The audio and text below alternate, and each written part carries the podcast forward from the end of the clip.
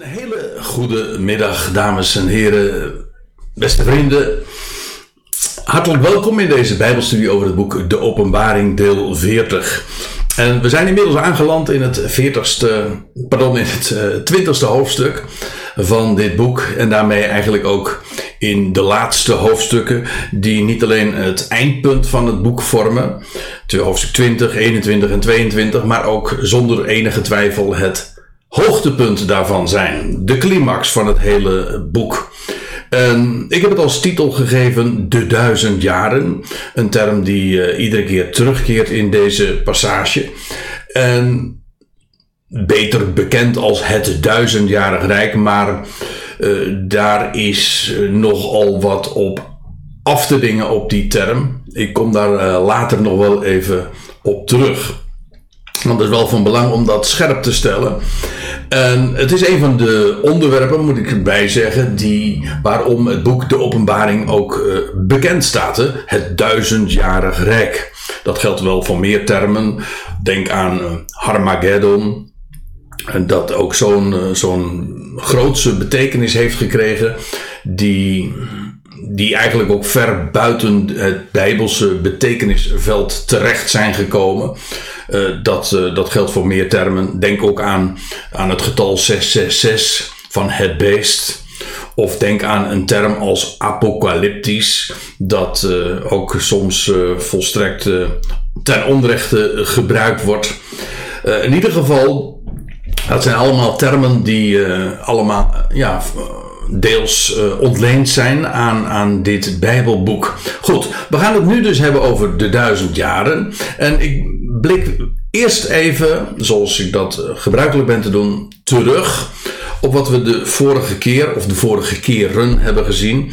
En toen ging het dus over hoofdstuk 19. En daar wordt beschreven in de slotversen van dat hoofdstuk de overwinning op de twee laatste kopstukken op aarde. Ik, ja, kopstuk is in dit verband een aardige term, omdat we het beest, dat is eigenlijk ook uh, niet alleen een aanduiding van dat wereldrijk van tien natieën, tien koningen, maar het is uh, niet in het minst ook de leider van dat beest. En feitelijk is hij uh, de achtste kop. En ook de zesde kop moet ik erbij zeggen. Maar dat heb ik bij een eerdere gelegenheid al eens een keer uitgelegd. En dan ook uh, zijn compaan, die ook trouwens een beest heet. Alleen de ene is het beest uit de zee, uit de Volkerenzee. En de andere uit het land. En is daarmee de leider van, het, uh, van Israël. En die beide figuren die worden overwonnen. Uh, zij worden geworpen, zo lezen we in het slot van hoofdstuk 19, geworpen in het meer van het vuur. En dat kan niet missen, dat is uh, de Dode Zee in dat verband. We komen daar bij een latere gelegenheid in de bespreking van hoofdstuk 20 zeker nog ook op terug.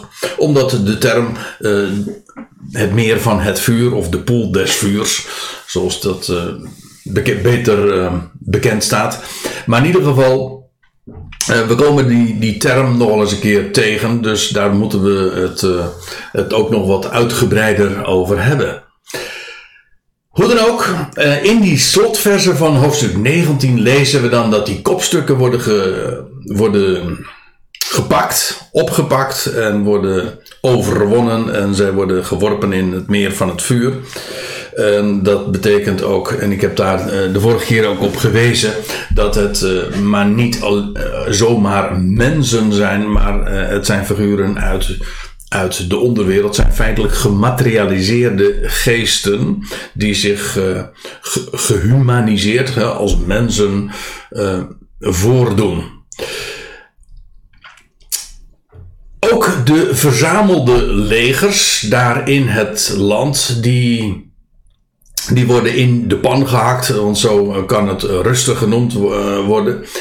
Uh, in feite, wat je leest, is dat daar helemaal niet eens een strijd plaatsvindt. Ze zijn totaal geen partij voor degene die zij aanvallen. Kijk, die legers die zijn verzameld in het land tegen de koning der koningen, zo zullen zij hem niet aanduiden, maar in ieder geval die, tegen hem die zetelt in Jeruzalem. We moeten zich voorstellen, daar is in die tijd inmiddels een hersteld Israël in het land, te midden van een volstrekt vijandige omgeving. in een wereld die, die daar niets van moet hebben. En de koning, de Messias, die heerst inmiddels in Sion, maar alleen nog maar over het land.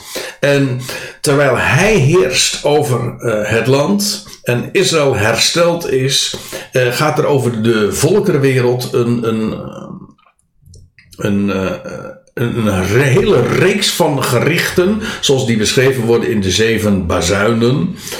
En parallel daarmee lopend de zeven eh, de zeven schalen, zoals dat genoemd wordt in hoofdstuk 16. Wel, het is in die setting dat de, de legers van de volkeren zich, uh, zich verzamelen tegen de Messias. Zij willen dat koninkrijk uitroeien. En we lezen daarover in hoofdstuk 16, vers 16, dat zij zich verzamelen in, die term, ik noemde hem zojuist al,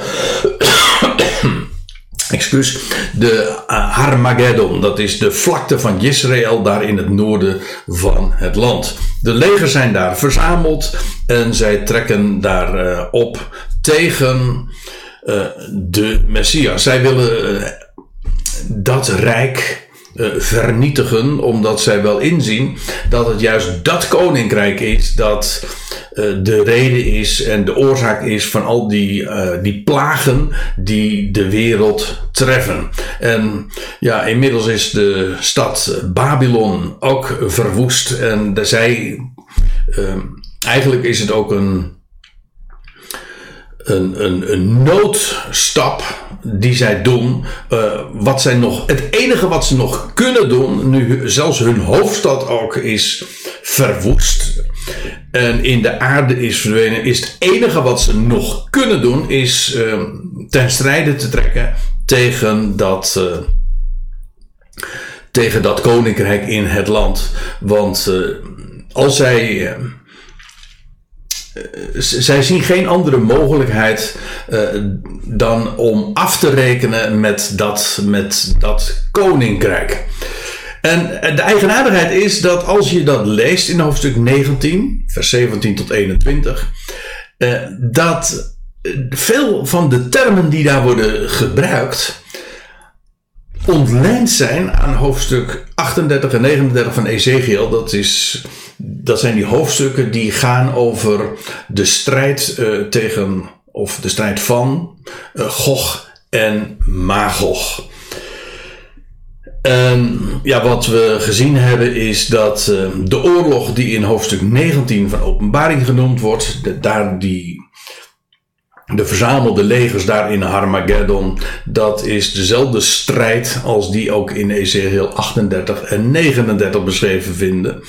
En trouwens ook in Psalm 2, ook daar hebben we bij stilgestaan, waar ook letterlijk sprake is van de volkeren die samenspannen en zich verzamelen tegen de Messias die geplaatst is van Gods wegen in Zion. En dan heel triomfantelijk, dat zie je in Psalm 2 ook, dat die in de hemel zetelt, die spot. En hij zegt, ik heb toch mijn koning gesteld in Zion. Wat verbeelden jullie je? En, en, en hij slaat hen stuk als pottenbakkerswerk. Ook dat zijn termen die in hoofdstuk 19 dan... Um, aangehaald worden. Dus in Psalm, pardon, in Openbaring 19 wordt zowel gerefereerd aan Psalm 2 als aan Ezekiel 38 en 39. En dat is een identieke strijd. Heel concreet dus, de strijd van de volkerenwereld die zo door van Gods wegen getroffen is door oordelen en gerichten, die, uh, die zich dan uh, als uh, als laatste optie dan verzamelen in het land om korte metten te maken met, uh, met dat koninkrijk van de Messias. Maar dan uh, van een uh, koude kermis thuiskomen. Dat was het voorgaande. Dan kijken we nu even vooruit. Namelijk wat we in hoofdstuk 20 dan gaan tegenkomen. En dat zijn dan de duizend jaren. Ja, die die Johannes beschrijft in een zestal versen. En dat is, uh, ik zei al, het hoogtepunt. Waarom? Omdat vanaf dat moment het koninkrijk van de Messias wereldwijde vormen gaat aannemen. Tot dusver, voor die duizend jaren, was het nog een Israëlitische aangelegenheid. Maar dan wordt de, hele volkerenwereld bezet en wordt het gebied van. Uh, en het eigendom van ja, de Messias, maar ook uh, van zijn volk Israël. Zoals hoofdstuk 11, vers 15 ook beschrijft, dat is ook bij de zevende bazuin. Het koninkrijk van deze wereld, dat, eh, dat gaat over naar de enige rechthebber, namelijk naar de Christus. En hij zal heersen tot in de ionen van de ionen. En, en die duizend jaren die in hoofdstuk 20 dan beschreven worden, ja, dat is die eerste ion waarin Christus zal heersen. Het, het volk is dus uh, inmiddels gereed gemaakt. Zoals we ook in hoofdstuk 19 al troffen, uh, beschreven vonden. Daar werd in feite ook al een hint gegeven en vooruitgegrepen op de, de duizend jaren, die aion waarin Christus zal heersen over deze wereld. Uh, alleen daar werd uh, gebruik gemaakt van de beeldspraak van een bruiloft. De bruiloft van het lammetje. En de vrouw, en dat is Israël, die heeft zich inmiddels gereed gemaakt. Israël is inmiddels in haar positie gesteld. Maar het is pas na de veldslag van Harmageddon dat zij als volk ook de wereldheerschappij ontvangt. De de duizend jaren waar. Uh, die nogal een uh, bekend element zijn van het boek De Openbaring. En uh, ja, ik, ik, ik, ik, sprak eerder over het duizendjarig rijk, zoals het meestal genoemd wordt. Eigenlijk treedt het onbegrip over het boek De Openbaring nergens duidelijker aan het licht als u het mij vraagt, dan juist in de, uit, in de gangbare uitleg van, uh, van, van, van dit hoofdstuk. Want ja, uh, het is eigenlijk zo dat sinds Augustinus, de kerkvader uh, Augustinus, in een van de eerste eeuwen van onze jaartelling, in de derde eeuw, dat hij meende dat het duizendjarig rijk inmiddels was begonnen. En ja, daar zijn allerlei uh, uitleggingen dan van. De traditioneel kerkelijke uitleg zegt dat, uh, dat wij uh, in de huidige tijd, eigenlijk vanaf, ja, en dat verschilt dan in, in verschillende exegeses. Sommigen zeggen in de, in de traditionele theologie, die duiz het duizendjarig rijk is al begonnen vanaf de hemelvaart.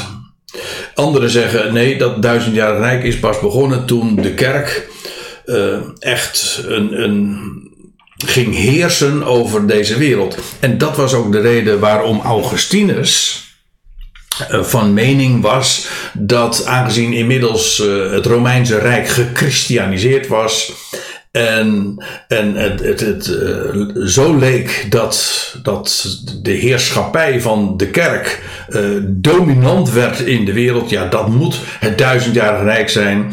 En Augustinus heeft die uitleg geïntroduceerd. En het is heel eigenaardig, maar in eerste instantie meende men ook, en dat laat zich wel verstaan, dat uh, als het duizendjarig rijk uh, in die dagen, toen de kerk dus eigenlijk uh, de, de, de heerschappij in deze wereld ontving, nou ja, Europa dan in het bijzonder, maar in ieder geval een, een heersende klasse, klasse werd, dat men eigenlijk toen ook meende dat, ja, dat het duizendjarig rijk was begonnen. Ja, en hoe lang zou dat voortduren? Ja, men, in eerste instantie ging men ervan uit dat het duizendjarig rijk duizend jaar zou duren. Wat niet zo gek is, want het uh, wordt uh, tot zes keer toe vermeld in openbaring 16, openbaring 20, de, dat het duizend jaren zijn. Ja, en hoe lang zou die, dat rijk dan duren? Anders dan duizend jaren. Dat was de uitleg eigenlijk de eerste duizend jaren. En vandaar ook dat, dat je ziet dat in het jaar duizend, maar ook daarna nog. Want ja, dat hangt er een klein beetje van af wanneer je de duizend jaren, duizend jaren gelijk laat aanvangen.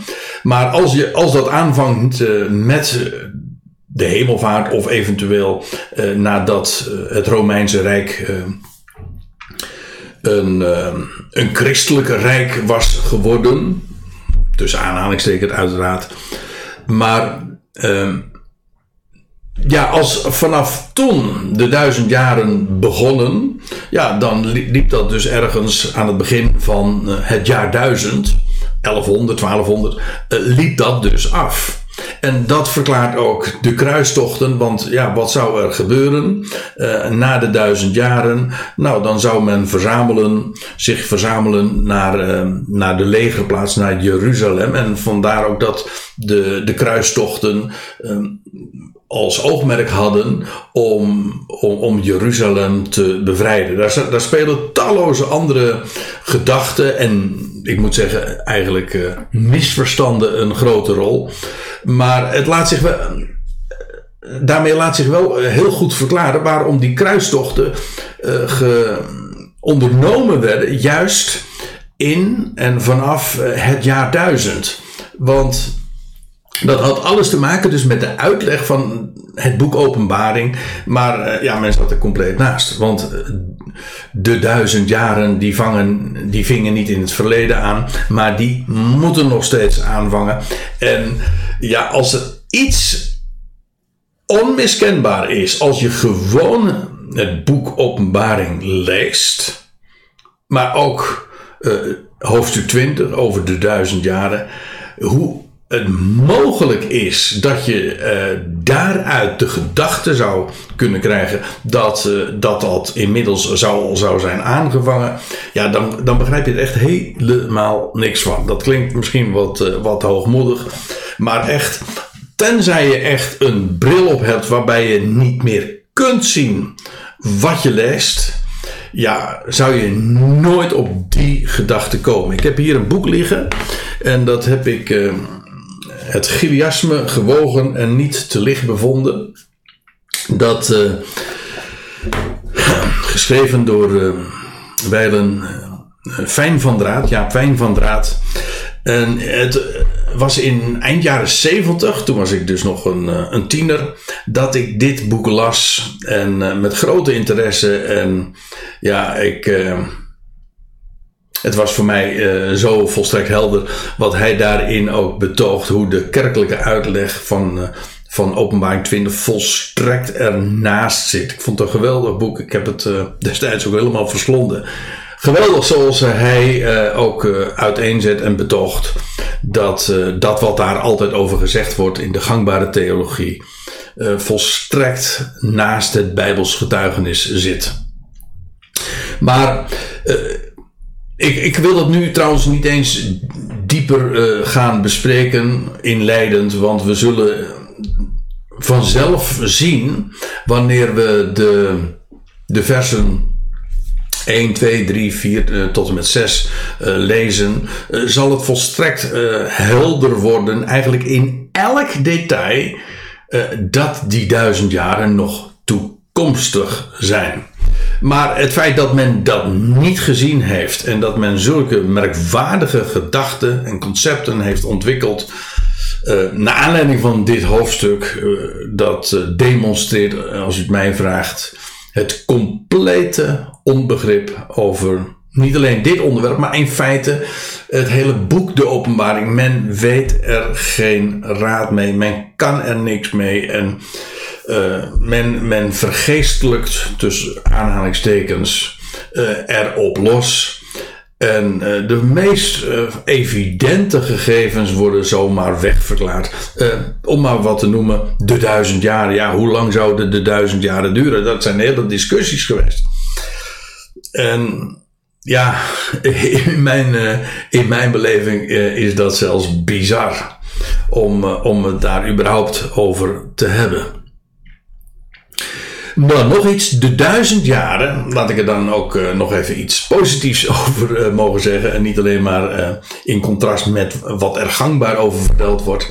De duizend jaren vormen de Sabbat die nog overblijft voor het volk van God. Ik, dus een uitdrukking die ik ontleen aan, waar, waar, waar ik refereer aan Hebreeën 4 vers 9 waar je leest, dat wordt tegen Hebreeën gezegd, het volk van Israël, dat er een Sabbat overblijft, dat, dat is dat Messiaanse Rijk voor het volk van God. ja, dat is wat de duizend jaren eigenlijk zijn. En ja, de, de Bijbelse gedachte is dat uh, God rekent een dag als duizend jaar. Dat, uh, dat is niet alleen maar iets wat Petrus zegt, maar dat stond ook wel in de psalmen. En de, de gedachte is dat uh, na zes dagen van duizend jaar de grote dag, de grote sabbat aanbreekt. En die duurt dan ook met recht weer duizend jaren.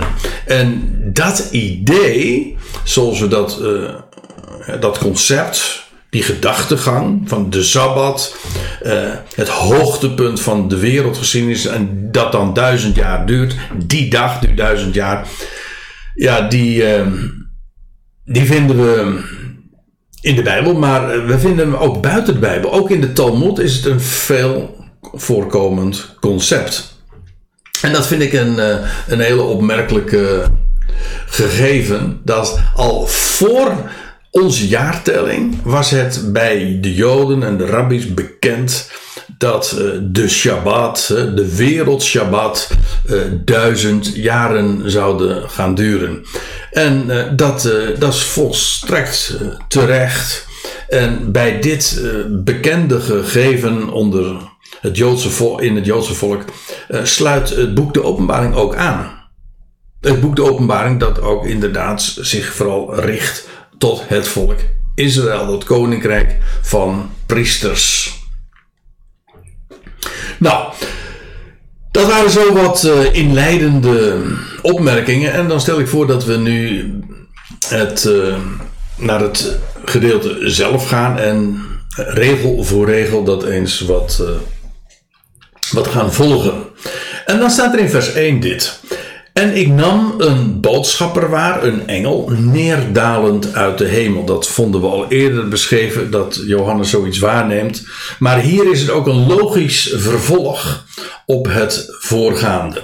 Dat uh, vers 1 sluit uh, weer uh, naadloos aan, ook chronologisch bedoel ik. Op op dat wat in hoofdstuk 19 beschreven uh, wordt. En in hoofdstuk 19 wordt beschreven de terugkeer van Jezus Christus als de grote triomfator, als de koning der koningen en die de, de, de, de volkeren aan zich onderwerpt. Op zich Alleen dat al geeft aan dat uh, de duizend jaren, die in hoofdstuk 20 dus beschreven worden, uh, chronologisch volgt op de terugkeer van Jezus Christus als de triomfator. Alleen dit gedachte, de, de, de, plaatsing van hoofdstuk 20 na hoofdstuk 19 en, en uh, het feit dat het voortbeduurt op de inhoud van hoofdstuk 19, dat op zich is al een doorslaggevend gegeven dat het inderdaad toekomstig is. Het volgt namelijk op de terugkeer van Jezus Christus als triomfator over de volkerenwereld. Uh, in het voorgaande, in hoofdstuk 18, lazen we over de, de stad Babylon. Uh, daar aan de, aan de Uivraat uh, ten onder zal gaan. En ook na de gevangenneming van het beest en de valse profeet eh, krijgen we nu in hoofdstuk 20 de gevangenneming van hun beider inspirator. Dat wil zeggen, hun beider, dat zowel van het beest als van de valse profeet, die eh, werden geïnspireerd door de diabolos. En diabolos, dat is eh, Grieks. En dat betekent eigenlijk letterlijk een dooreenwerper. ik moet zeggen, dat vind ik wel heel veelzeggend voor wat hij doet. Wat doet de diabolos? Wel, hij werpt doorheen. Hij creëert verwarring. En dat is ook de reden waarom hij een leugenaar is. Want wat een. Een leugen is ook niks anders dan een waarheid uh, of waarheden die misplaatst zijn, oftewel uh, in verwarring uh, gebracht. Ons woord duivel is eigenlijk ook afgeleid van dit woord, diabolos. Hoe dan ook, hoofdstuk 20 sluit erop aan, want kijk maar hoe, wat erop volgt. Ik nam een boodschapper waar neerdalende de hemel en wat heeft hij? Een sleutel van de afgrond en een grote keten op zijn hand. Eerst eens even dit. De afgrond. In het Grieks staat hier het woordje abusos. En dat is de onderwereld, maar dan in de letterlijke zin van het woord. Wij gebruiken het woordje onderwereld ook wel, maar dan bedoelen we daarmee uh, de criminele wereld. Maar en waarom, men dat, waarom het inderdaad ook die, die boosaardige betekenis heeft, dat klopt. Dat is ook wel in de, in de Bijbel de gedachte. Uh, de onderwereld, maar het is ook letterlijk een onderwereld. Uh, het zijn, zoals dat in Exodus 20 wordt genoemd, uh, daar zijn de wateren onder de aarde. Het idee is in de Bijbel dat, en ik vind het heel aardig hoe dat in de wetenschap, dat er allerlei wetenschappelijke aanwijzingen ook voor zijn, dat daar onder het aardoppervlak op een, op een bepaalde diepte van misschien wel kilometers onder ons aardoppervlak, dat daar een geweldig groot waterreservoir is. En in feite in Genesis 1, vers 2 wordt daar al naar verwezen over en de wateren. Uh, hoe staat het? En de geest Gods zweefde over de wateren. En dan gaat het inderdaad over, uh, over die wereld. Want uh, wat daar in het Hebreeuws genoemd wordt, dat wordt in het Grieks dan vertaald met de abusos. En ook in Deuteronomium 33 komt dat ook voor en andere plaatsen. Die abusos, dat is ook de plaats waar het beest vandaan komt. Want in die abusos bevinden zich geesten, uh, wezens die, ja, uiteraard, omdat het de onderwereld is, ontrokken zijn aan ons oog, maar ook van een heel andere hoedanigheid. En, en het beest vindt daar zijn oorsprong. Het beest dat komt uit de afgrond. Zo lezen we tot twee keer toe in hoofdstuk 11, maar ook in hoofdstuk 17. Die afgrond, uh, die, heeft, uh, ja, die is afgesloten. En vandaar ook dat die, die engel die, die daalt neer. En dan staat er. Uh, hij heeft een, de sleutel van de, hij heeft de sleutel van de afgrond. Zodat dat suggereert inderdaad dat die afgrond dus afgesloten is. En die sleutel van de afgrond werd, was trouwens ook al genoemd in hoofdstuk 9, vers 1 en 2. En daar wordt voor het eerst de, de afgrond geopend. En dan vind je ook beschreven de, de, de, bij de vijfde bazuin.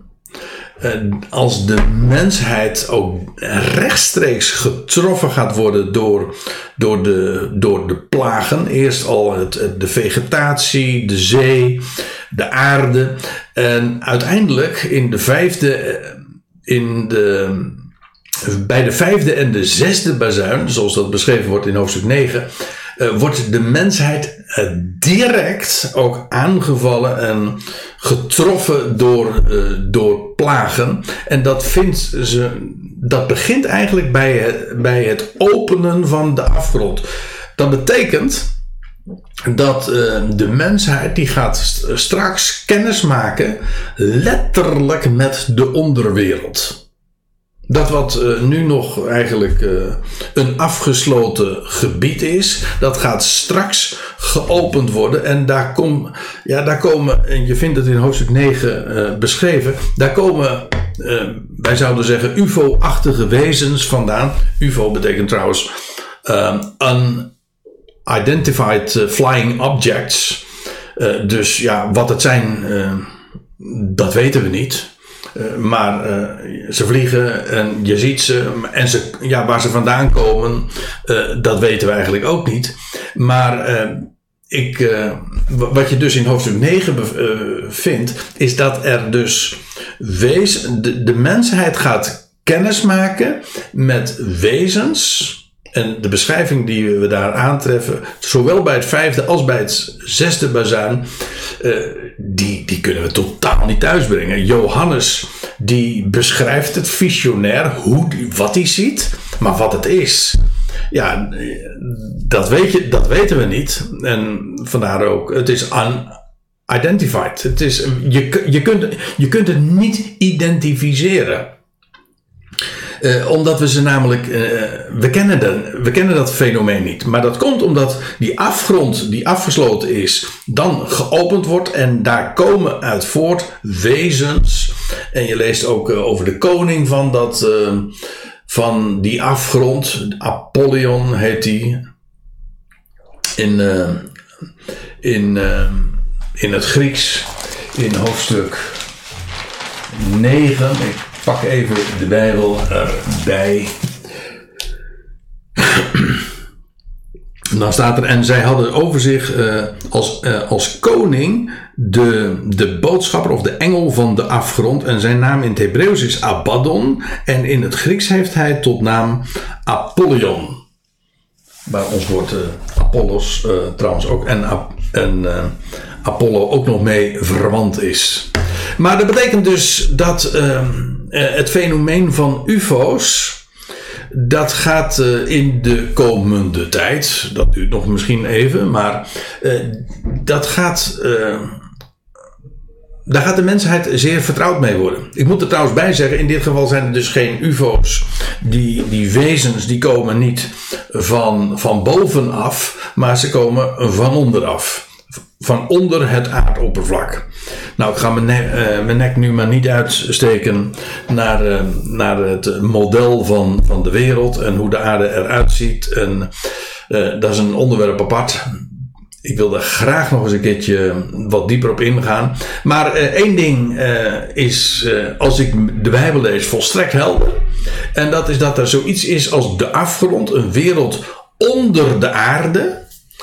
En met een machtig waterreservoir. Je leest ook over de put. Trouwens, dat staat hier ook. Ehm, als ik me niet vergis. In ieder geval hoofdstuk 9.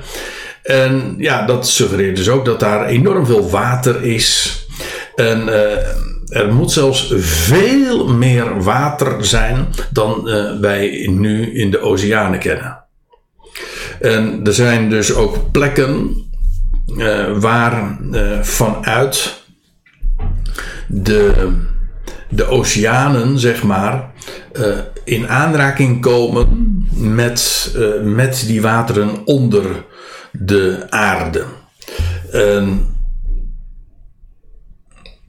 ja, de oceanen die bevatten natuurlijk gigantisch veel water. En dat, uh, er zijn plaatsen waar het 11, 12 kilometer diep is of nog meer. Uh, dus dat is gigantisch. Uh, maar er moeten ook plekken zijn uh, waar er toegang is tot, tot die onderwereld. Nou, ik wil daar verder nu niet over speculeren. Genoeg is om vast te stellen dat daar dus sprake is van de abusos, de afgrond, die nu afgesloten is en straks geopend gaat worden. Nou, in ieder geval, die boodschapper die heeft dus de sleutel van de afgrond en ook een grote keten op zijn hand. Hij heeft een ketting bij zich. En op zijn hand. Uh, ja, dat staat letterlijk op zijn hand. In de NBG, Statenvertaling zeggen in zijn hand. En zo zeggen we dat in het Nederlands ook.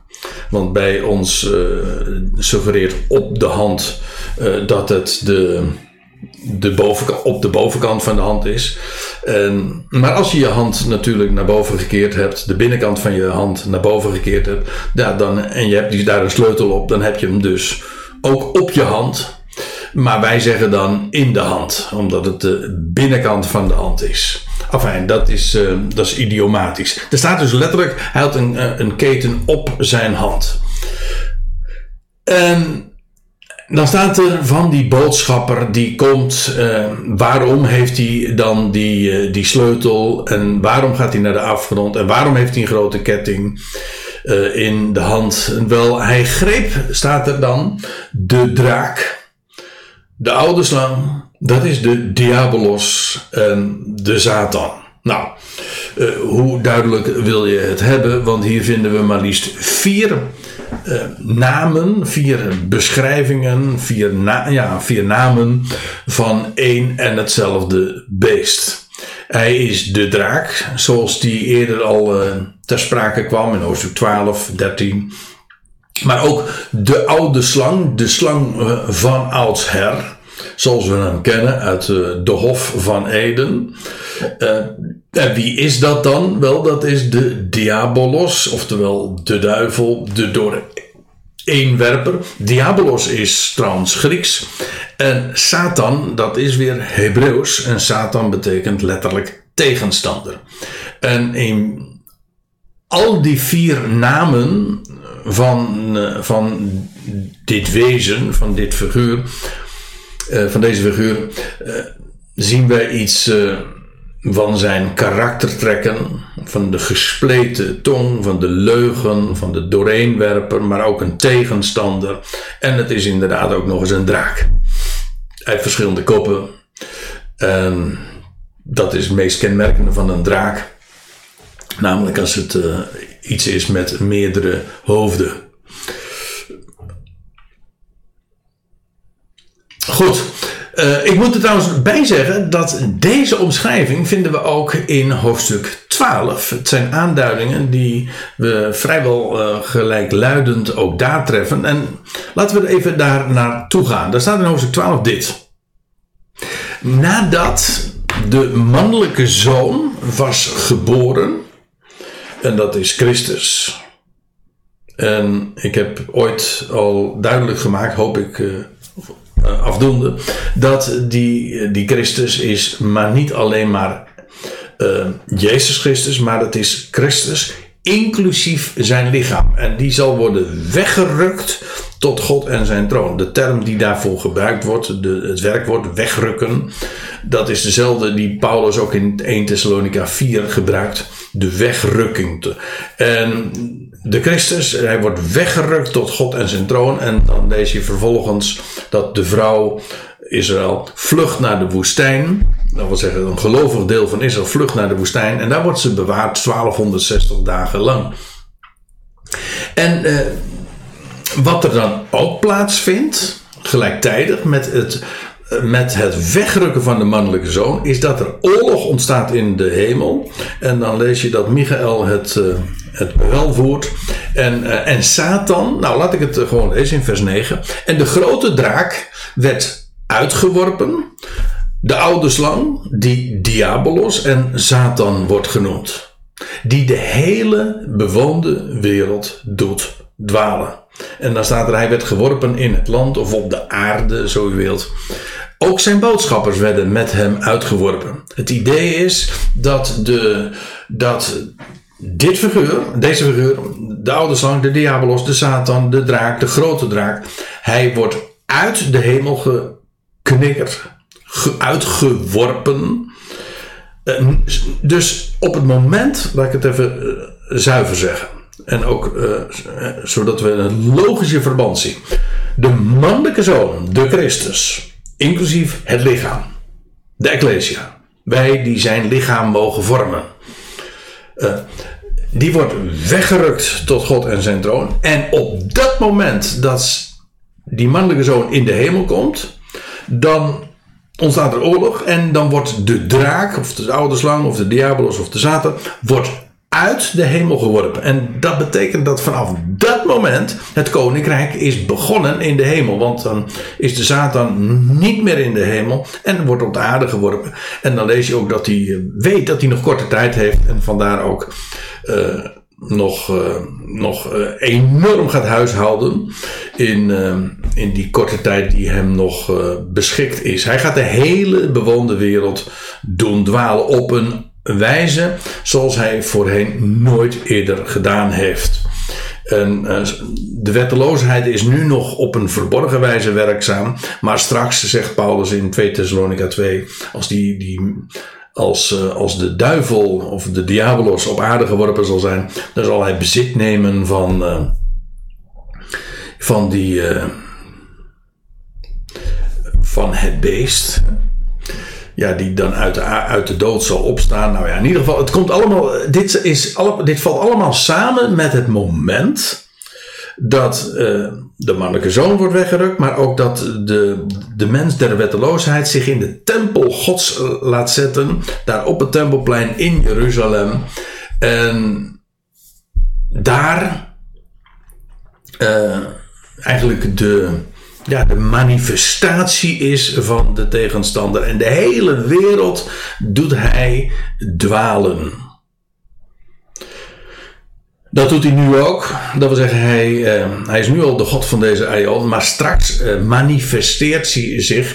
Kijk, er is ook een groot verschil. Nu heeft de, de, de boze, de draak en de oude slang nog uh, zijn plaats in de hemel. Straks wordt hij op aarde geworpen. En eh, ja, dan op het moment dat hij uit de hemel is geworpen, dan lees je ook dat, dat de, de hemel wordt opgeroepen om feest te vieren. Want ja, dan is het koninkrijk in de hemel begonnen. En nou ja, en dan is het, eh, dan zal het gebed op aarde zijn van het gelovig overblijfsel. Uw, uw, uw wil geschieden hè, en uw koninkrijk komen, uw wil geschieden gelijk in de hemel Alzo ook op de aarde. En dan zal het koninkrijk ook op aarde uh, worden gevestigd. Maar dat gaat niet zonder de slag of stoot. Want je ziet, als die Satan op aarde zal zijn geworpen, dan gaat hij de hele bewoonde wereld doen dwalen. In feite, wat je in het boek Openbaring dan vindt, is uh, drie stadia van vernedering. Eerst wordt hij uit de hemel op de aarde geworpen. Dat is voor de, de 1260 dagen. De, die 42 maanden, die grote verdrukking voor Israël. Voor de duizend jaren wordt hij in de afgrond geworpen, de Abusos. En na de duizend jaren uh, komt hij in het meer van het vuur terecht. Dus uh, dat is uh, in feite voor hem als Satan. sorry. zijn definitieve plaats ik zeg het even tussen aanhalingstekens. In ieder geval tot in de ionen der ionen zal hij daar als tegenstander zijn. Dat zijn de drie stadia van vernedering. Eerst uit de hemel op de aarde, dan in de afgrond en dan komt hij in het meer van het vuur. Maar uh, dat zijn ook drie verschillende tijdstippen dus. Hoe dan ook, die, die boodschap die uit de hemel neerdaalt met sleutel en van de afgrond, dan uh, lees je dat hij, uh, hij greep de draak, de oude slang, dus de diabolos en de Satan. En dan vervolgens, en hij bond hem, die oude, die oude slang dus, of de draak, hij bond hem duizend jaren. Ja, en dit is misschien een goed moment om eventjes uh, het helder vast te stellen. Wat geteld wordt, is de binding van Satan. Die duizend jaren beginnen dus met het, de binding van Satan. Zodat, en dat is de logica daarvan uh, uiteraard, dat volgt eruit. Het einde van de duizend jaren valt dus samen met zijn loslating. Het begint met zijn binding, het eindigt met zijn loslating. Staat er ook gewoon expliciet bij.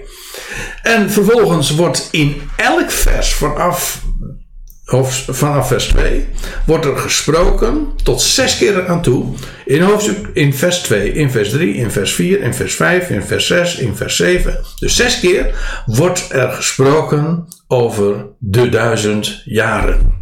Dus de periode wordt heel expliciet gedefinieerd, zodat ik elke vraag over de lengte van deze periode eigenlijk als bizar en belachelijk uh, zou willen noemen. Uh, ja, hoe lang zou, de, de, hoe lang zou de, de duizend jaren duren? Ik heb zo'n idee van duizend jaren. Het wordt er tot zes keer toe bijgezegd. En, en zo rekent de Heer ook. Het is ook precies uh, wat we zouden mogen verwachten van die, die, die laatste, die grote dag. Wat er uh, gebeurt is dat Satan gebonden wordt. De term is niet, ik zei het in het begin al eventjes, iets in die richting. Uh, bekend is de term het duizendjarig rijk. Dat is geen correcte naam voor deze duizend jaren. Waarom? Omdat niet het rijk duizend jaren duurt. Christus zal heersen tot in de ionen van de ionen. Niet zijn heerschappij of dat rijk is beperkt tot duizend jaren.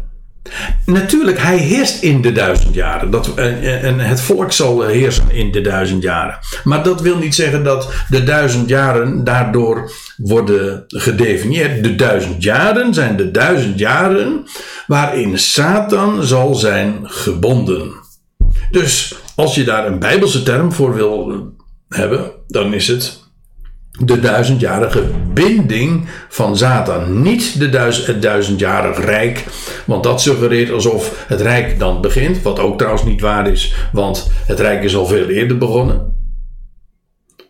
Steek genomen toen de, man, toen de mannelijke zoon daarin uh, na, tot, uh, tot God en zijn troon werd weggerukt. En, daar, en, en, en de hemel wordt gereinigd. Begin, toen begon het in de hemel. Vervolgens begon het een aantal jaren later op aarde, toen, hij, toen de Messias in Jeruzalem zijn zetel innam. Toen begon het Rijk voor Israël. En ja, dat wordt hier eh, dan vervolgens in de duizend jaren wereldwijd voortgezet. En daarna wordt het ook gewoon voortgezet. Het enige wat uh, duizend jaren noemt, uh, duizend jaren zal duren, dat is de binding van Satan. Ik, uh, ik hecht eraan om dat uh, op die manier ook te, uh, te benoemen. A, omdat het een Bijbelse term is. En B, omdat we daarmee het misverstand hebben aan de kaak gesteld. Alsof het rijk maar duizend jaar zou duren van Christus. Dat is niet waar. Hij zal heersen tot in de ionen van de ionen. En en het maakt trouwens nog iets duidelijk, en dat is dat uh, als je weet dat het meest karakteristieke van die duizend jaren is dat Satan gebonden zal zijn, dan weet je ook meteen, als het je nog niet duidelijk was uit de hele context en uit het, uh, uit het feit dat dit volgt op hoofdstuk 19, dan is het ook volstrekt helder dat de duizend jaren slaan. Uh, of dat de duizend jaren onmogelijk betrekking kunnen hebben op de huidige tijd. Want uh, ja, als er iets uh, karakteristiek is voor onze tijd, is dat Satan niet gebonden is. En dat hij wel degelijk ook toegang heeft. Uh, en sterker nog, hij, hij heeft een enorme invloed in deze aion. Hij houdt de waarheid ten onder, hij, hij misleidt. En, en aan het einde van, van van deze Aion gaat hij dat, zal, als hij op de aarde zal zijn geworden, zal dat nog veel erger worden. Dus uh, als er iets is wat uh, bewijst dat de duizend jaren nog toekomstig zijn, dan is het wel dat Satan juist nu nog zo enorm veel invloed heeft. En uh, zijn grootste invloed zelfs nog moet gaan krijgen in deze Aion. Als hij namelijk op de aarde zal zijn geworpen. Hoe dan ook, dan wordt hij gebonden. En dat niet alleen. Want dan staat er vervolgens in vers 3.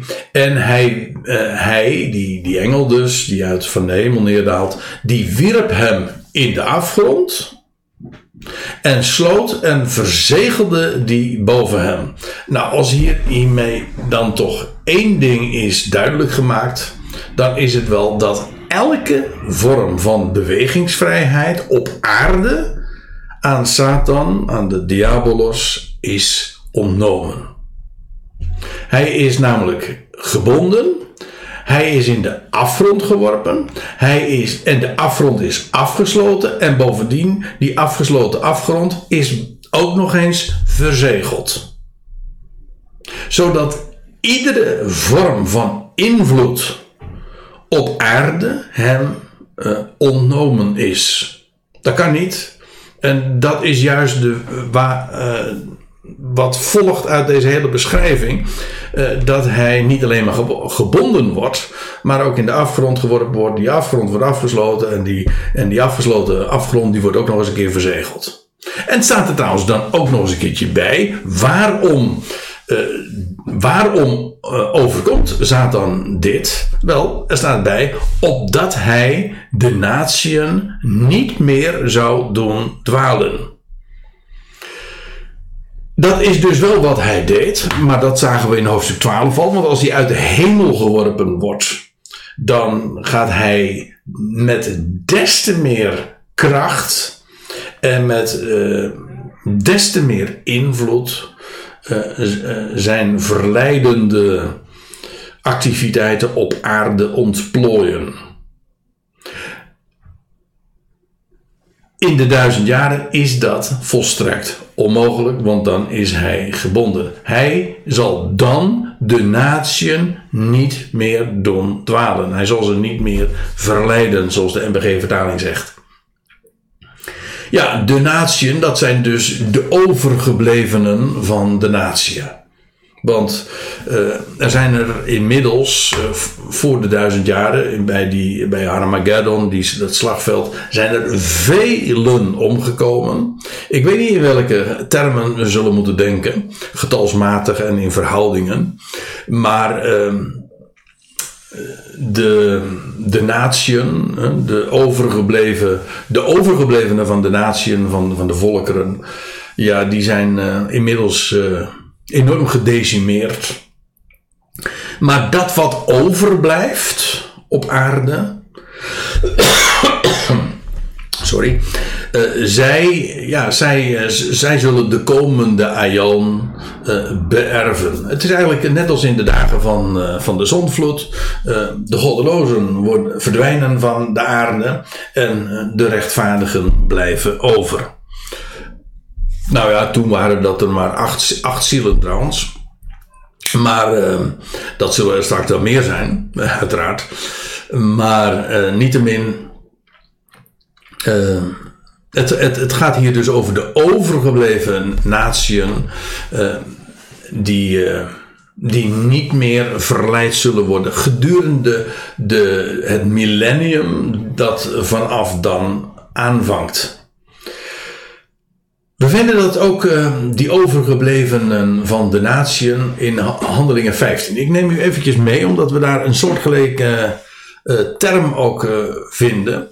En daar in Handelingen 15, dat is eventjes om de context te beschrijven, daar gaat het over, eh, dan neemt Jacobus het woord tijdens dat, die apostelvergadering in Jeruzalem. En dan verwijst hij naar Simeon en dan zegt hij, Simeon ontvouwde hoe God eerst omzag om vanuit de natieën een volk voor zijn naam te nemen. En dat is, wat, uh, dat is het werk wat God vandaag doet. Hè? Uh, om uit de natie een volk voor zijn naam te nemen. En dan zegt uh, Jacobus erbij, en hiermee stemmen overeen de woorden van de profeten, zoals staat geschreven. En dan haalt hij een passage aan uit Amos 9. Uh, na deze dingen zal ik wederkeren en weer opbouwen de vervallen tent van David. Let op. Eerst dus wordt er een volk eh, voor Gods naam verzameld uit de natieën. Maar hoe zit het dan met de vervulling van de profetieën en van wat de profeten hebben gezegd? Wel, zegt Jacobus dan, uh, dat is uh, volkomen in overeenstemming daarmee. Hij zegt, want na deze dingen, dus nadat God eerst vanuit de natieën een volk voor zijn naam verzamelt. Na die dingen zal hij, de Heer, wederkeren, terugkeren. En wat hij dan gaat doen is weer opbouwen de vervallen tent van David. Dat is het huis van David of de dynastie van David. En dat wordt hier een vervallen tent genoemd, omdat de dynastie is ja, verdwenen. Er is geen, uh, al, al duizenden jaren is er geen dynastie van David meer. En dat zal straks, als de Heer zal terugkeren, dan gaat hij dat weer herstellen. En dus uiteraard op de enige plaats waar die dat huis van David ook hoort te regeren, namelijk in Jeruzalem. Dat is de plaats waar hij de koning heeft gesteld. En uh, ja, dan zal de, de zoon van David daar uh, in Sion gaan regeren. Uh, en wat daarvan is geslecht en wat daarvan is verdwenen, dat zal ik weer opbouwen en ik zal haar weer oprichten. Oftewel, die hele dynastie van David en alles wat daarmee verband houdt en wat daar inmiddels wat daarvan verdwenen is. De tempel, het paleis, kortom die hele stad Jeruzalem, die gaat herbouwd worden en wordt de stad van de grote koning. En nou komt het, en dat is de reden waarom ik dit nu uh, ook aanhaal, opdat ook het overgebleven deel van de mensen de Heer zou zoeken. En alle natieën waarop mijn naam is uitgeroepen, zegt de Heer, die deze dingen doet. Dus, eerst een volk voor zijn naam uit de natieën, dat is de tegenwoordige tijd. Daarna zal de Heer wederkeren, zal hij de vervallen tent van David, de dynastie van David herstellen eh, in de stad van David, uiteraard, namelijk Jeruzalem. En daarna zal ook uh, het overgebleven deel van de mensen de Heer zoeken en alle natieën waarop mijn naam is uitgeroepen. Dus uh, dat overgebleven deel, dat is dus dat wat niet is omgekomen. Er, zullen er velen in die dagen van de openbaring en van de wederkeer van de Heer, zullen er velen omkomen. Maar dat wat ervan overblijft, wel, uh, die alle natieën, ja, dat zijn dan alle natieën, want de rest is omgekomen en verdwenen. En alle natieën waarop mijn naam is uitgeroepen, ja, die zullen dan ook de Heer zoeken. En dat is precies uh, wat het millennium karakteriseert. Want uh, om even terug te blikken, opdat hij, uh, Satan, dus de natieën niet meer zou doen dwalen. Dus wat is karakteristiek voor de duizend jaren? Dat is dat Satan gebond, zodanig gebonden is dat hij niet meer in staat is om de natieën te doen dwalen. En dat is precies wat we ook uh, wat we in de profetie ook vinden. Namelijk als de dynastie van David weer hersteld zal zijn. Het, en Jeruzalem de stad van de grote koning zal worden. Wel, dan zal de rest van de wereld daarin gaan, gaan delen in de zegeningen. en uh, dat zal duren een. Uh, Um, dat zal duren totdat de duizend jaren voleindigd zouden worden. De duizend jaren, en ja, dat zijn dus die, die jaren dat hij gebonden zal zijn.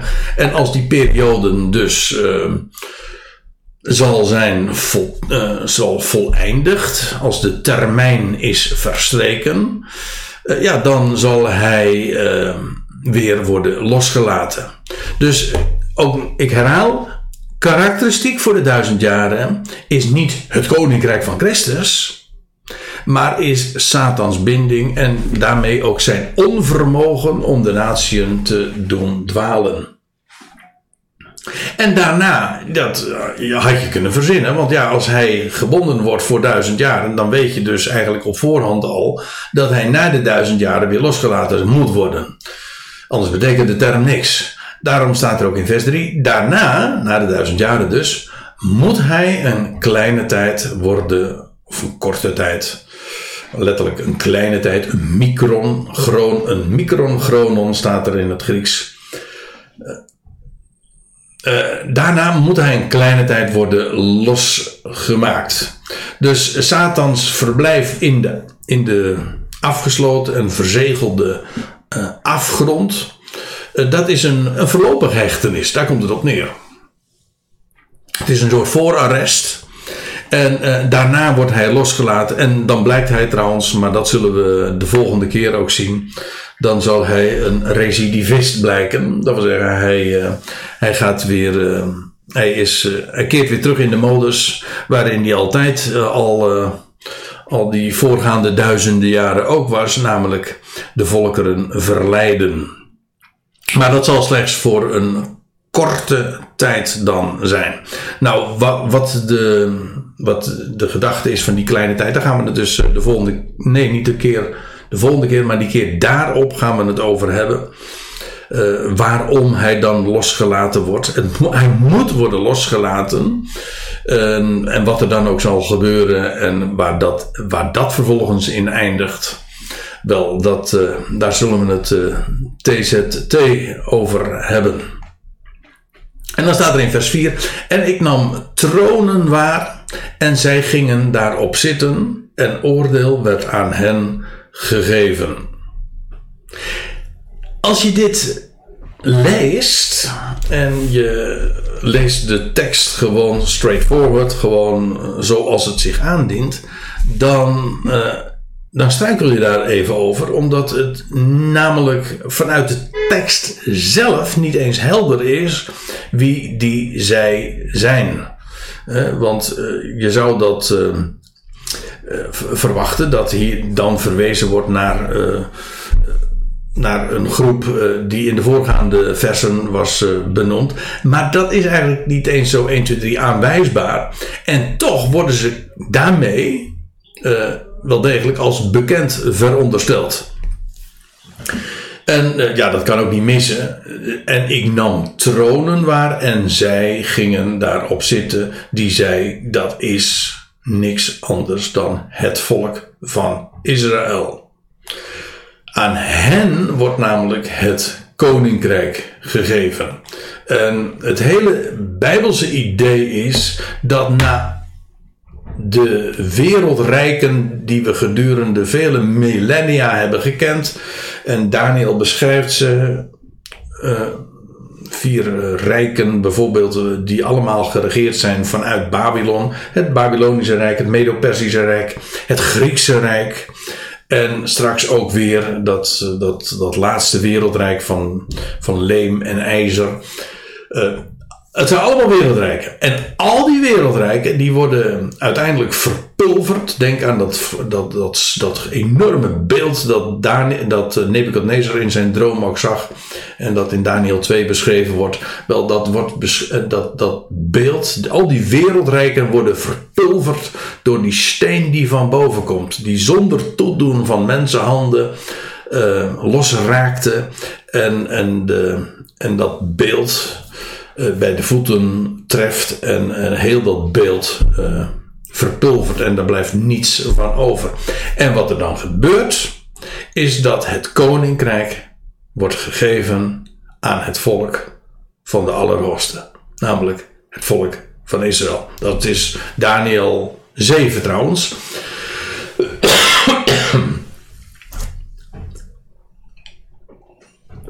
In Daniel 7 maar we trouwens ook weer die vier koninkrijken treffen, alleen uh, dan op een andere wijze worden ze beschreven. Niet als metalen en grondstoffen, maar als, uh, als beesten, als dieren. En dan lees je in, in die eindfase, en dan gaat het over dat, uh, dat beest uit de volkeren, die laatste wereldrijder. En hij zal spreken tegen de Allerhoogste, en de heilige van de Allerhoogste zal hij te gronden richten voor een tijd tijden en een halve tijd. Nou, dat element, daar hebben we het al eerder over gehad. Dat kan niet missen. Dat gaat over uh, de grote verdrukking van 1260 dagen, 3,5 jaar, 42 maanden. oftewel een jaar, twee jaren en een half jaar. En dit gaat over dat. Dit wordt ook aangehaald in openbaring 13, dat beest dat uh, genezen is van zijn dodelijke wond.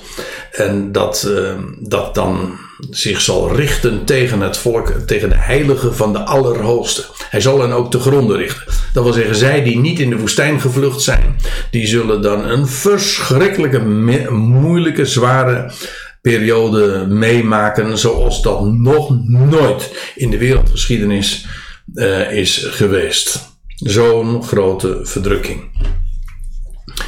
En dan, en dan staat er, en de berechting, de vierschaar, lees je in de MBG en de Statenvertaling geloof ik. En, maar een vierschaar is niks anders dan de berechting.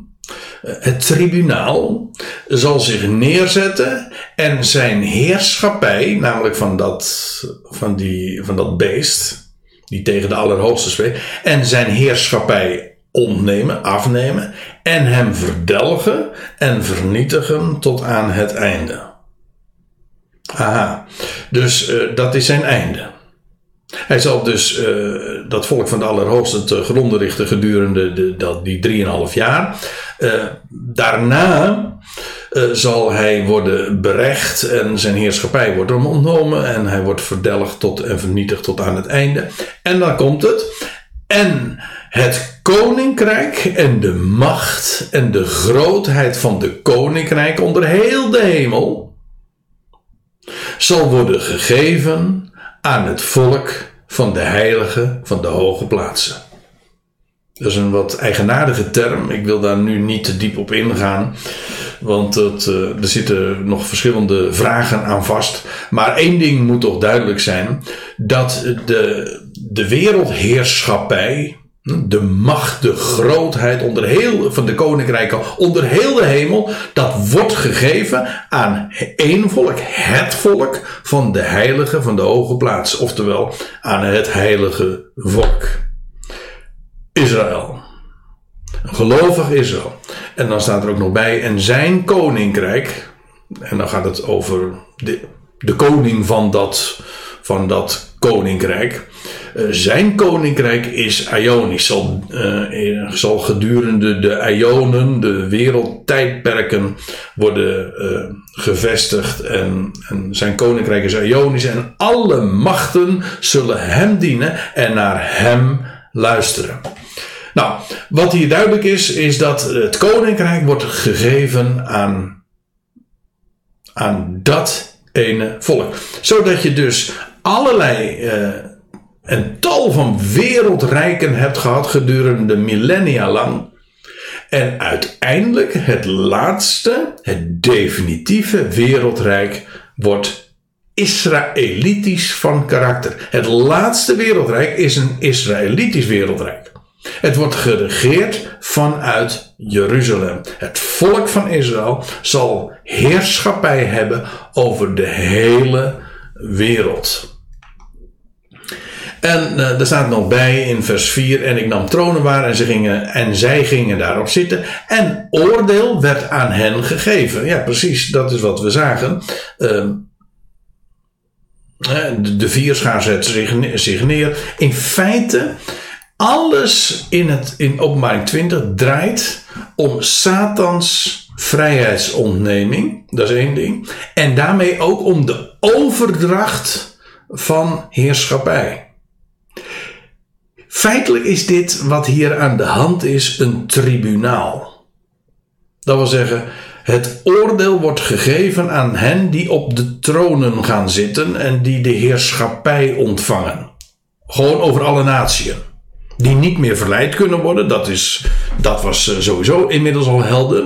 En nu vervolgens nemen zij de heerschappij over. Zij gaan zitten op de tronen. Er vindt hier een transitie van heerschappij plaats en ook een tribunaal. Hen, aan hen werd oordeel gegeven.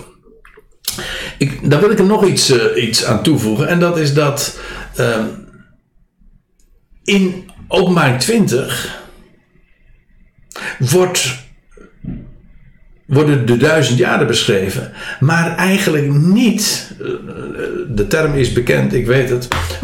daar wordt niet gesproken over een vrederijk.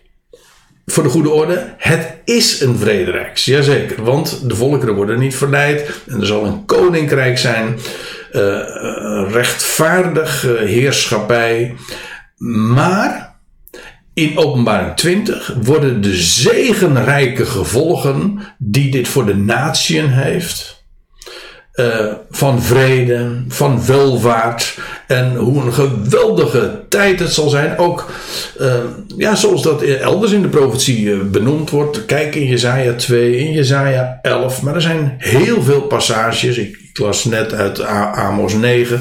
Maar er zijn heel wat meer bijbelgedeelten aan te wijzen. Waarin dat vrederijk beschreven wordt. Maar in openbaring 20 wordt niet gerept over, over die effecten die het heeft voor de volkerenwereld. Het enige wat er gezegd wordt, is dat de volkeren niet verleid wordt. Maar dat is, dan gaat het in feite niet eens zozeer om het feit dat de volkeren niet verleid worden. Maar het gaat erom dat Satan niet meer in staat zal zijn om die volkeren te verleiden. Dus het is meer een, een het is niet zozeer een belofte aan de natieën. Het is een oordeel aan, uh, gericht aan, uh, aan het adres van de Satan of de diabolos. Hij zal daar niet meer toe in staat zijn.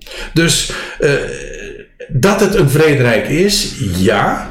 Maar dat is niet het onderwerp in openbaring 20. Daar gaat het puur om de transitie van macht, van heerschappij. Hoe het koninkrijk terecht gaat komen bij de enige rechthebber, namelijk degene die daar zit in Jeruzalem en daarmee ook uh, diens volk.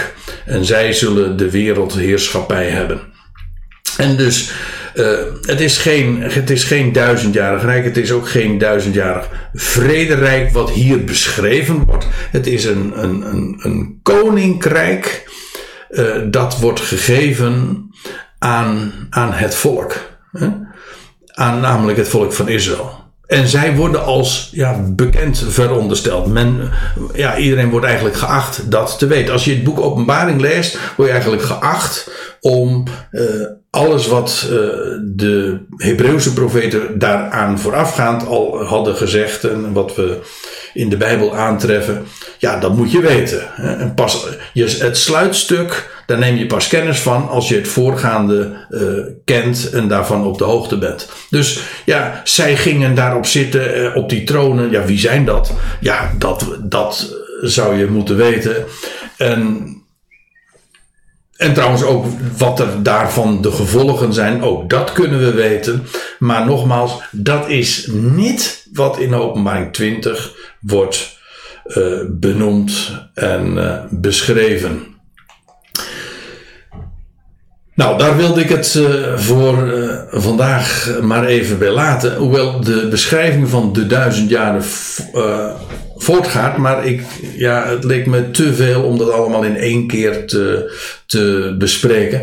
Dat betekent dat we de volgende keer verder gaan met, uh, met, met, uh, met de duizend jaren. Maar dan vooral zullen stilstaan bij de eerste opstanding. Zoals dat beschreven en genoemd wordt in hoofdstuk. Ja, in ditzelfde hoofdstuk. Maar dan vanaf vers 4 tot en met 6. Dus ik, ik, ik stop nu halverwege het vierde vers. En dat pakken we straks dan op. Omdat vanaf uh, vers 4b eigenlijk het onderwerp vooral is. Die opstaan en de martelaren die gedurende de beestheerschappij uh, omgekomen zijn, gesneuveld zijn, wel, die zullen opstaan en zullen ook uh, een aandeel hebben in die duizend jaren. Maar dat uh, is dan het onderwerp wat we de volgende keer zo met elkaar willen gaan bespreken. Daar wilde ik het graag bij laten. Hartelijk dank voor jullie aandacht en ik zou zeggen al het goede en God zegen.